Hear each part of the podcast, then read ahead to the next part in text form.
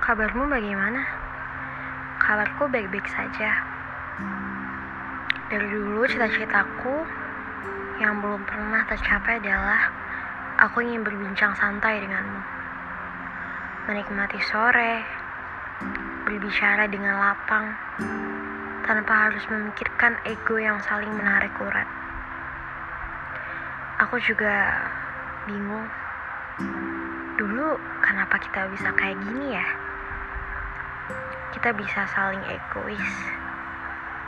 Bukannya menjadi baik, justru hubungan kita semakin buruk.